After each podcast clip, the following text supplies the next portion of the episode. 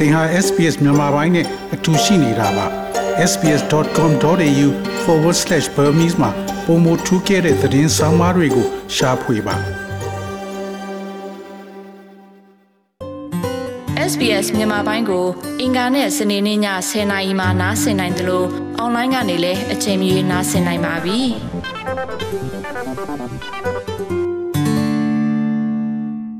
တော်ရရှိမြခင်ဗျာ Omicron လှိုင်းသည် ဩစတြေးလျနိုင်ငံနဲ့ကမ္ဘာတဝန်းနိုင်ငံအများပြားမှာဆုတ်ယုတ်သွားပုံပေါ်တော်လဲဩစတြေးလျတွင် အမျိုးအစားကွဲအသစ်တစ်ခုပေါ်ပေါက်လာခြင်းကြောင့်ကျန်းမာရေးအာဏာပိုင်များကသတိပေးချက်များထုတ်ပြန်ထားပါတယ်။ BA2 သည် Omicron မျိုးကွဲရဲ့မျိုးရိုးခွဲတစ်ခုဖြစ်ပြီးသိပ္ပံပညာရှင်များသည်၎င်းတွင် ဖြစ်ပေါ်နိုင်ခြေအဆင့်ကိုအကဲဖြတ်ရန်ပြိုင်ဆိုင်လှုပ်ဆောင်နေကြပါတယ်။ Omicron မျိုးစားကွဲအသစ် BA2 ရဲ့ပထမဆုံးသောယောဂဖြစ်ပွားမှုကိုကွင်းစန်းကလူနာတူတွင်ပြီးခဲ့တဲ့နှစ်ဒီဇင်ဘာလတွင်ဩစတြေးလျမှာပထမဆုံးတွေ့ရှိခဲ့တာဖြစ်ပါတယ်။၎င်းကို BA1 ဟုလည်းသိကြသည့်မူရင်း Omicron ရဲ့သေချာမျိုးကွဲအဖြစ်မယူဆပါဘူး။သို့သောတူညီသော Omicron မိသားစုအတွင်းပါဝင်တယ်လို့ဆိုပါတယ်။သိပ္ပံပညာရှင်များသည် BA2 ကို မျိုးကွဲအခွဲသို့မဟုတ် မျိုးနယ်ခွဲများဟု ခေါ်ဆိုနေပါတယ်။တာဝန်ရှိသူများကအသုံးပြုခဲ့တဲ့တခြားအမည်များမှာညီအမမျိုးကွဲသို့မဟုတ်၎င်းကို Omicron ရဲ့သားတော်ဟုခေါ်ဝေါ်သူတွေလည်းရှိနေပါတယ်။ BA2 ရဲ့ပထမဆုံးသောမှတ်တမ်းတင်ထားတဲ့ကိစ္စက BA1 ရဲ့ကနာဦးဖြစ်ရပြီးတပတ်ခန့်အကြာနိုဝင်ဘာလ18ရက်တွင် တောင်အာဖရိကတွင် တွေ့ရှိခဲ့တာဖြစ်ပါတယ်။ တောင်းတဲ့ချီသောသိပ္ပံပညာရှင်များသည်ကမ္ဘာလုံးဆိုင်ရာ data အချက်အလက်များ GIS8 သို့ upload တင်ထားသော genome စီးမြင့် data ကိုပိုင်းခြားစိတ်ဖြာနေပါတယ်။ G ကဲ့သို့သောဓာတ်ငွေများပါဝင်ပါတယ်။အချိန်နဲ့တပြေးညီနီးပါးအချက်လက်များစွာကို နားလေသဘောပေါက်ရန်စ조사နေသည့်ထိုအုပ်စုတွင် New South Wales Kirby Institute မှတွဲဖက်ပေါမောက္ခ Stewart So we did know that there was one that was, you know, a relative of Omicron that was in the community at the time and has been has been circulating. It's just been that um, I guess the question is, is that when you do get a subvariant, um, which has small differences, sometimes sometimes there's more differences than others. It's really watching it in the in the field and in the wild and, and what it's up to. And I guess the the first thing that we generally look at doing is um, how fast the numbers are, are coming up um, with a particular ထို့ကြောင့် variant. ထိုအချိန်ကအုပ်စုတွင်ရှိသော The original one, Omicron ရဲ့ about ဆွေမျိုးတူကဲ့သို့ရှိနေပြီး Omicron ပြန့်နှံ့လျက်ရှိသည်ကိုကျွန်ုပ်တို့သိရှိခဲ့ပါတယ် when they do မိကွန်းက genomically ကွဲလဲချက်အသစ်တစ်ခုကို uh, သင်လက်တွေ့ရလိုက်တဲ့အခါဂျီနိုမီမှာကွဲပြားမှုလေးတွေကလက်တွေ့နယ်ပယ်နဲ့အစမ်းစီရသေးတဲ့နယ်ပယ်မှာတကယ်ချိနေတာဖြစ်ပါတယ် အဲ့ဒါကဘာလဲဆိုတာကိုပါပြီးတော့ရေဘူးရအားဖြင့်ပထမဆုံးလောက်တာကနံပါတ်တွေကသေချာမျိုးကွဲတစ်ခုနဲ့ကိန်းကနန်းတွေတက်လာတာဘလောက်မြန်မဲထင်လဲဆိုတာကိုပါထို့ကြောင့်၎င်းသည်ကျွန်ုပ်တို့ပုံမှန်သိသော Omicron ဖြစ်တဲ့ BA1 ကိုရှင်းနိုင်ပါသလားနောက်ဒုတိယအချက်ကလူနာတွေနဲ့မျိုးဗီဇချိတ်ဆက်မှုလုပ်တဲ့အခါပြင်းထန်မှုကိုကြီးစုနိုင်မယ်လို့ကျွန်တော်တို့ထင်ပါတယ် ဒါပေမဲ့ကိန်းဂဏန်းတွေကတကယ်ကိုနှဲပါနေပါသေးတယ်ဇန်နဝါရီလ25ရက်လကုန်တွင် BA1 သည်တစ်ကမ္ဘာလုံးတွင် အသာစီရနေသေးပြီးယောဂဖြစ်ပွားမှုရဲ့68.8ရာခိုင်နှုန်းရှိနေပါတယ်။သို့သောဒန်မတ်၊အိန္ဒိယနဲ့ UK ကဲ့သို့သောနိုင်ငံများမှာ BA2 သည်ပုံမအဖြစ်များပြီးကြီးစိုးသည့်မျိုးကွဲတစ်ခုအဖြစ်ပေါ်ထွက်နေပါတယ်။ဇန်နဝါရီလ28ရက်နေ့အထိ ဒန်မတ်မှာဖြစ်ပွားမှုရဲ့82ရာခိုင်နှုန်းနဲ့ဗြိတိန်တွင်9ရာခိုင်နှုန်းဖြစ်နေပါတယ်။ Australia မှာ BA2 ရဲ့ထူးဆန်းသောယောဂဖြစ်ပွားမှု20သို့မဟုတ်30ခန်းနဲ့၎င်းသည်စုစုပေါင်းနိုင်ငံရဲ့ COVID-19 ယောဂဖြစ်ပွားမှုနှိမ့်ချသောအချိုးအစားကို ကိုစားပြုနေပြီးဒါက3.3ရာခိုင်နှုန်းသာရှိပါတယ်။ Australia နိုင်ငံရဲ့အမျိုးသားသိပ္ပံ Agency CSIRO မှပေါမောက္ခ Shia Rivasan က GIS8 database ရှိဖြစ်ရမှန်အရေးအတွက်ထက်ပိုများနိုင်တယ်လို့ဆိုပါတယ်။ data တွေ upload လုပ်တဲ့အခါနောက်ကျနေခြင်းထို့အပြင်ဂျီနိုမီစစ်ဆေးရန်အတွက်ဓာတ်ခွဲခန်းသို့ကိုဗစ်ရောဂါဖြစ်ပွားမှုရဲ့အစိတ်ပိုင်းတစ်ပိုင်းသာပေးပို့တာကို တွေ့နေရပါတယ်။ဒါကစစ်ဆေးတွေ့ရှိသူအယောက်90တွင်တယောက်ခန့်ဖြစ်ပါတယ်။ ဇန်နဝါရီလ28ရက်ကလှက်တပြက်ကိန်းဂဏန်းများကိုတိတိသာသာမြင့်တက်ကြောင်းကိုသူကပြောနေပါတယ်။ we've had approximately uh, 18,750 uh, BA2 sequences, uh, and this was 55 countries. If you look at that, uh, Australia had about 22 sequences, and the vast majority of them, over 90%, were from just three countries. So Denmark alone contributed to ကျွန်ုပ်တို့မှာခမန်းကြီးအားဖြင့်18950 B2 series virus များရှိခဲ့ပြီး၎င်းသည်နိုင်ငံ55နိုင်ငံမှာဖြစ်နေပါတယ်ပြီးတော့အဲ့ဒါကိုကြည့်မယ်ဆိုရင် Australia မှာ sequence အတွေ့22ခုလောက်ရှိပါတယ်ပြီးတော့၎င်းတို့ထဲမှာအများစု 90ရာခိုင်နှုန်းကျော်သည် နိုင်ငံ3နိုင်ငံမှ ဖြစ်ပါတယ်ဒါကြောင့်ဒိန်းမတ်တနိုင်ငံတည်းက14380လောက်အဲ့ဒီထဲမှာဖြည့်ဆည်းပေးနေပြီး UK နဲ့ India တို့က1300နီးပါးခန့်ဖြည့်ဆည်းပေးနေပါတယ်။ကိုဗစ်မျိုးစားအသစ်တစ်ခုစီသည်ပုံမမြန်ဆန်သောအချိန်ဖြင့်ကမ္ဘာအနှံ့ပြန့်နေပုံရနေပါတယ်။2019ခုနှစ်ဒီဇင်ဘာလတွင်ဝူဟန်တွင် တွေ့ရှိခဲ့သော မူရင်းကိုဗစ်မျိုးကွဲတစ်ကမ္ဘာလုံးကို ပြန့်နှံ့ဖို့အတွက်3လအချိန်ကြာခဲ့ပါတယ်။ Omicron version မှာတော့၎င်းသည်နိုင်ငံပေါင်း88နိုင်ငံမှာဒီဇင်ဘာလ14ရက်နေ့ထိကူးစက်နေပြီးဒါကတလသာကြာခဲ့ပါတယ်။ဒါကြောင့်သမိုင်းတစ်လျှောက်ပြန့်နှံ့မှုအရှိဆုံးနဲ့အလင်းမြန်ဆုံး virus ပိုးဖြစ်လာစေတယ်လို့ကူးစက်ရောဂါဆိုင်ရာ သုတေသီ Anton Akuriga ကပြောဆိုပါတယ်။ 14ရာစုနှစ်က Black Death နဲ့19ရာစုနှစ်ကကာလဝင်းရောဂါတကဘာလုံးပြန့်နှံ့ရန်အတွက်နှစ်ပေါင်းများစွာအချိန်ကြာခဲ့တယ်လို့၎င်းကဆိုပါတယ်။နောက်ထပ်ကိုရိုနာဗိုင်းရပ်စ်ကြောင့်ဖြစ်နိုင်ခြေရှိသော1889ခုနှစ်ကရုရှားတုပ်ကွေးဟုခေါ်တွင်သောတုပ်ကွေးသည်ကဘာတဝန်းသို့ပြန့်နှံ့ရန်အချိန်3လကြာခဲ့ပါတယ်။ B2 သည်ဒန်မတ်ရဲ့ထိတ်တန့်ကူးစက်ရောဂါဆိုင်ရာ အာဏာပိုင်အဖွဲ့က BA1 ကဲ့သို့တကဘာလုံးသို့လျင်မြန်စွာမပြန့်ပွားတော်လဲပမာဏအချက်လက်များအရ BA2 သည်1.5ဆပိုမိုကူးစက်နိုင်တယ်လို့ဆိုပါတယ်။သိပ္ပံပညာရှင်များသည်ကူးစက်နိုင်မှုနှင့်ကာကွယ်ဆေးများကို virus ကခံနိုင်ရရှိနိုင်မှုအကြောင်းကိုပုံမနားလည်ရန်ပြုလုပ်နေပါတယ်။အထူးသဖြင့် spike protein area မှာရှိတဲ့ genome sequencing ကိုစစ်ဆေးနေပါတယ်။ University of New South Wales မှတွဲဖက်ပါမောက္ခ Delville ကယခုလိုရှင်းပြပါတယ် And the spike kind of, it's kind of like a flower, and at the tips of the flower, so it kind of got three big petals because it sits as a trimer. Um, and on the tips of the petals um, is what we call the N-terminal domain, and antibodies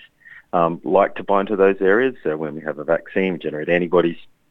and they like to bind to those little edges of those petals. Um, and what we see in um, in the sublineage is there's there's a lot of there's little kind of chunks that are missing, what we call deletions. So, um, it, but also the original Omicron variant had those. as spike well, but ဆိုသည် it's ပန်းပွင့် just ပုံ showing သဏ္ဍာန် us နဲ့ that, တူ you know, ပါတယ် it's just ပွင့်ချက်ကြီး taking little bits သုံး away ပွင့် so ပါ the ရှိပြီး antibodies can't bind ညလိုမျိုးထိုင်နေတာကြောင့်မှာ particular cells and ပန်းပွင့် and များ that's ရဲ့ the ထိပ် kind of- ဖျားမှာ and we know N these terminal domain ဟု have had ကျွန်တော်တို့ from ခေါ် the ပါတယ် studies of the- of ပြီးတော့ the- antibodies တွေကအဲ့ဒီနေရာတွေမှာချီနှောင်းထားသလိုပါပဲ ဒါကြောင့်သစ်မှာကာဝယ်ဆေးရှိတဲ့အခါပဋိပစ္စည်းကို ထုတ်ပေးပြီးပြီးတော့အဲ့ဒီပန်းပွင့်တွေရဲ့အစွန်လေးတွေကိုချိတ်ထားရတာမျိုးကိုကြိုက်နေပါတယ်ပြီးတော့အမျိုးနယ်ခွဲများမှာကျွန်ုပ်တို့မြင်ရတဲ့အရာများမှာဖြစ်ပယ်ခြင်းဟုခေါ်သောအပိုင်းငယ်များလည်းပါရှိနေပါတယ်ဒါပေမဲ့မူရင်း Omicron version မှာလည်းအဲ့ဒါတွေပါပါတယ်ဒါပေမဲ့ပဋိပစ္စည်းတွေချီနှောင်းလို့မရတော့တာကနည်းနည်းကွာသွားတယ်လို့ ကျွန်တော်တို့ကို ပြသနေပါတယ်၎င်းဟာဆဲလ်များကိုအနည်းငယ်ကတ်စေပါတယ်ဤပြောင်းလဲမှုမျိုးများနဲ့2021ခုနှစ်တွင်ကျွန်ုပ်တို့ကြီးစုခဲ့သော မျိုးကွဲများရဲ့လေးလာမှုများမှအကျိုးသက်ရောက်မှုများကိုကျွန်ုပ်တို့သိပါတယ် BA1 တွင်ဗီဇပြောင်းလဲမှု60ခန့်ရှိတော်လဲ BA2 တွင်ဗီဇပြောင်းလဲမှု85ခုခန့်ရှိပါတယ်ဒါကို alpha မျိုးကွဲရှိ ဗီဇပြောင်းလဲမှု30နှစ် delta မျိုးကွဲရှိ35တို့ကိုနှိုင်းယှဉ်ထားတာဖြစ်ပါတယ်။ BA1 နဲ့ BA2 အကြားကွာခြားချက်တစ်ခုမှာ spike gene ရဲ့မျိုးဗီဇပြောင်းလဲမှုဖြစ်ပါတယ်။ဆိုလိုဒီမှာ၎င်းကို BA1 ကဲ့သို့ PCR စမ်းသပ်ခြင်းမှတစ်ဆင့်ကောက်ယူ၍မရနိုင်တာနဲ့အတီးပြုရန်အတွက် genome sequencing အတွက်ဓာတ်ခွဲခန်းကိုပို့ဖို့လိုအပ်ပါတယ်။ BA2 ရဲ့ယောဂပြင်းထန်မှုနဲ့ကူးစက်မှုနဲ့ပတ်သက်လို့ဒန်မတ်နဲ့ UK ရှိအာဏာပိုင်များထံမှပေါ်ထွက်လာသောအထောက်အထားများရှိကြောင်းပေါမောက်ခဗာဆင်ကပြောကြားပါတယ် It's premature to say whether this particular BA2 might be more problematic. Uh, at the moment, uh, we see from colleagues in Denmark that it's not as problematic when it comes to hospitalization or case severity ဒုသဖြင့် anymore than BA2 သည် the ပို၍ BA1. ပြဿနာရှိနိုင်တဲ့ဆိုတာကိုပြောရန်အချိန်စောပါသေးတယ် More contagious. လောလောဆယ်မှာဒန်မတ်ရှိလုတ်ဖို့ကင်ဘက်များထံမှဆေးရုံတက်ရချိန်သို့မဟုတ်ယောဂပြင်းထန်မှု BA1 လောက်ပြဿနာမရှိတာကိုကျွန်ုပ်တို့မြင်နေရပါတယ်။သို့သော၎င်းသည် BA1 နှင့်နှိုင်းယှဉ်ပါက အနည်းငယ်ပိုကူးဆက်မြန်ပုံရပါတယ်။ ဒီအဆင့်မှာ BA2 သည်၎င်းရဲ့ကိုယ်ပိုင်မူကွဲမဟုတ်ဘဲ Greek အခရာစာလုံးများကိုအသုံးပြု၍အမည်တစ်ခုရဲ့ထည့်သွင်းစဉ်းစားမှုကိုလှုံ့ဆော်ပေးမဲ့၎င်းရဲ့မူကွဲမဟုတ်ဘဲမူကွဲတစ်ခုအဖြစ်ဆက်လက်တည်ရှိနေမယ်လို့ကမ္ဘာ့ကျန်းမာရေးအဖွဲ့မှပြောကြားပါတယ်။၎င်းသည် BA1 နှင့်စိုးရိမ်မှုမျိုးကွဲဖြစ်ခြင်းအခြေအနေကိုမျှဝေပေးနေပါတယ်။ WHO မှ Maria Van Kerkhove ကအ ဖွဲ့အစည်းသည်မျိုးကွဲသစ်များပေါ်ပေါက်လာမှုကိုအဆက်မပြတ်စောင့်ကြည့်နေကြောင်းပြောကြားပါတယ်။ Omicron will not be the last variant that you will hear us speaking about. The next variant of concern will be more fit. And what we mean by that is it, it will be more transmissible because it will have to overtake what is currently circulating.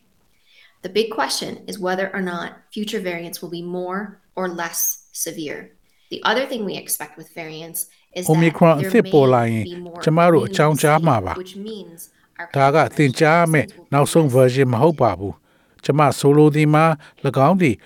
လက်ရှိလုံနေမှုများကိုကြော်တက်ရမှာဖြစ်သောကြောင့်၎င်းသည်ပုံမကူးဆက်နိုင်မှာဖြစ်ပါတယ်ကြီးမားသောမေကွန်းကအနာဂတ်ပြောင်းလဲမှုများသည်ပို၍သို့မဟုတ်ရောနေပြင်းထန်မီလားဆိုတာကိုပါမျိုးကွဲများနဲ့အတူကျမတို့မျှော်လင့်ထားတဲ့တခြားအရာမှာခုခံအားကို လွတ်မြောက်မှုပိုရှိလာနိုင်တာကိုပါ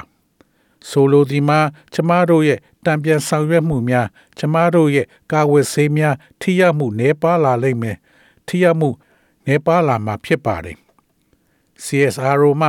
ဗမောက္ခဗာစင်တဲ့အဖွဲ့သည် B2 ရဲ့ကိုခံအားမှလွတ်မြောက်နေတဲ့လက္ခဏာများကိုလေ့လာနေကြပါတယ်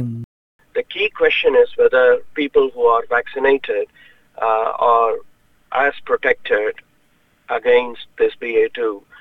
Uh, and if they are not, that's what we call immune escape. Now, there are different things going on here, right? So, vaccines are still what we've got to protect yourself from getting a severe disease. အဓိက If you are မေကွန်းမှာ double ကာဝယ်ဆေး vaccinated, ထိုးထားသူ triple များသည် vaccinated, ဒီ then B2 you are ကို less ကာဝယ် likely ခြင်း to ရှိ get မရှိဖြစ်ပါတယ် hospitalization အဲ့ဒါမျိုးမ even ဟုတ် if ရင် you do အဲ့ဒါ get ကို Omicron. immune escape လို့ However, ခေါ်ပါတယ် we do have to study ခု this. ဒီမှာ This is what ကွဲပြား my တဲ့ lab ကိစ္စ is တွေ doing ရှိနေ and ပါတယ် colleagues ဒါ around ကြောင့် the world are ပြင်း doing. ထန်တဲ့ယောဂတွေကနေကာကွယ်ဖို့ကာကွယ်ဆေးတွေက ရှိနေပါသေးတယ်တကယ်လို့သင်ဟာကာကွယ်ဆေးနှစ်ချိန်ထိုးပြီးတာကာကွယ်ဆေးသုံးချိန်ထိုးပြီးပါက Omicron ရရှိပါကဆေးရုံတက်ရန်အလားအလာနေပါပါတယ်ဒါပေမဲ့ဒါကို လေးလာရမှာဖြစ်သလိုဒါကိုဓာတ်ခွဲကန်းကလှုပ်ဖို့ကင်ဘက်တွေနဲ့ကဘာတဝမ်းကလှုပ်ဖို့ကင်ဘက်တွေလှုပ်ဆောင်နေကြတာပါကာဝယ်ဆေးထုတ်လုပ်သူများသည်ဗီဇပြောင်းလဲမှုများကိုအရှိန်အဟုန်မြင့်ထိန်းထားနိုင်ရန်ကာဝယ်ဆေးများကိုအဆင့်မြင့်တင်ရန်လိုအပ်ကြောင်းတုံ့ပြန်ပြောဆိုနေပါတယ်။ကမ္ဘာတဝန်းတွင် COVID-19 ကာဝယ်ဆေး10 billion ကိုစီမံကုတ်ကဲသည့်မှတ်တိုင်တစ်ခုသို့ရောက်ရှိနေချိန်မှာ Pfizer နှင့် Moderna တို့က Omicron သီးသန့်ကာဝယ်ဆေးအတွက်လက်တွေ့စမ်းသပ်မှုများကို စတင်လှုပ်ဆောင်နေပြီဖြစ်ပါတယ်။ဝူဟန်တွင် COVID-19 ရဲ့ဇစ်မြစ်နှင့်၎င်းမျိုးကွဲများနှင့်ပတ်သက်၍မသိသူအများပြားရှိနေစေဖြစ်သောကြောင့်ဒါကထွက်ပေါ်လာခြင်းဖြစ်ပါတယ်။ Sydney Tech သို့မှ Professor Dominic Doyer သည်2021ခုနှစ် February လတွင်ဝူဟန်မြို့သို့သွားရောက်ခဲ့သောနိုင်ငံတကာသိပ္ပံပညာရှင် အဖွဲ့ရဲ့တစိမ့်တစ်ပိုင်းဖြစ်ပါတယ်။ခီးစဉ်အတွင်းအစောဆုံးကိုဗစ်ရောဂါဖြစ်ပွားမှုရဲ့အသက်ရှူလမ်းကြောင်းဆိုင်ရာလက္ခဏာများကဲ့သို့သောတချို့သော data များကိုဝင်ရောက်ကြည့်ရှုရမှာပြဿနာများရှိခဲ့တယ်လို့ဆိုပါတယ်။ Professor Doyer က virus ဇာလိုင်းရဲ့အစိတ်ပိုင်းကိုဖော်ထုတ်နေဖို့ထက်အနာကယောဂတွေအတွက်ပုံမကောင်းအောင်ပြင်ဆင်ထားဖို့အရေးကြီးတယ်လို့ပြောဆိုပါတယ်။ going to try and find out the origins of new viruses, and that's really important. Uh, and and that's got to be a scientific journey, uh, ideally one that's not political, uh, because if you understand where new viruses come from and what new viruses might emerge, then you can do something about it. You can develop vaccines. virus develop အသစ်များရဲ့ plans and so on. မူလဇစ်မြစ်ကို We learn ရှာဖွေပါ things after each ဒါကအ pandemic, မှန်တကယ်အရေးကြီးပါတယ် uh, which big အဲ့ဒါက outbreak of သိပ္ပံ disease. နည်းကျခီးတစ်ခုဖြစ်ပါလိမ့်မယ် The next one virus အသစ်ကဘယ်ကလာတယ်ဆိုတာနားလည်ရင် virus အသစ်ကဘယ်ကထွက်လာနိုင်လဲဆိုတာကို လေ့လာတဲ့အခါမှာဒါကနိုင်ငံရေးနဲ့မဆိုင်ပါဘူးအဲ့ဒီအခါမှာတစ်ခုခုလုံးလို့ရပါတယ်သင်ကကာဝယ်ဆေးတွေ တီထွင်အစီအစဉ်တွေရေးဆွဲနေတာစသဖြင့်ပါကျွန်ုပ်တို့သည်ကယောဂတစ်ခုစီမှသို့မဟုတ်ကြီးမားသော ဖြစ်ပွားမှုတစ်ခုစီမှ နောက်တစ်ခုအားပုံမကောင်းမွန်စွာ စီမံခန့်ခွဲနိုင်စေမဲ့အရာများကိုသင်ယူရမှာဖြစ်ပါတယ်။သောရရှိမြခင်များ SBS သတင်းဌာနကဘီဝါကွမ်းရဲ့ဆောင်းပါးကိုဘာသာပြန်တင်ဆက်ပေးထားတာဖြစ်ပါတယ်ခင်ဗျာ။ SBS Radio App ကို download လုပ်ပြီးနားဆင်မှတ်ချက်ပြုနိုင်ပါတယ်။ဒါရိုက်သို့မဟုတ်အချိန်မီနားဆင်နိုင်ပါပြီ။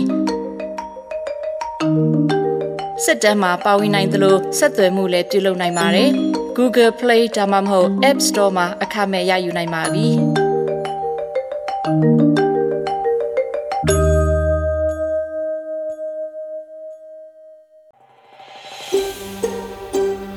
။ဒါမျိုးသတင်းဆောင်မတွေကို ပိုနားဆင်လိုပါလား Apple Podcast Google Podcast Spotify တို့မှာသင်ပင်ရာဖြစ်ဖြစ်ရယူတဲ့ podcast ကနေပါ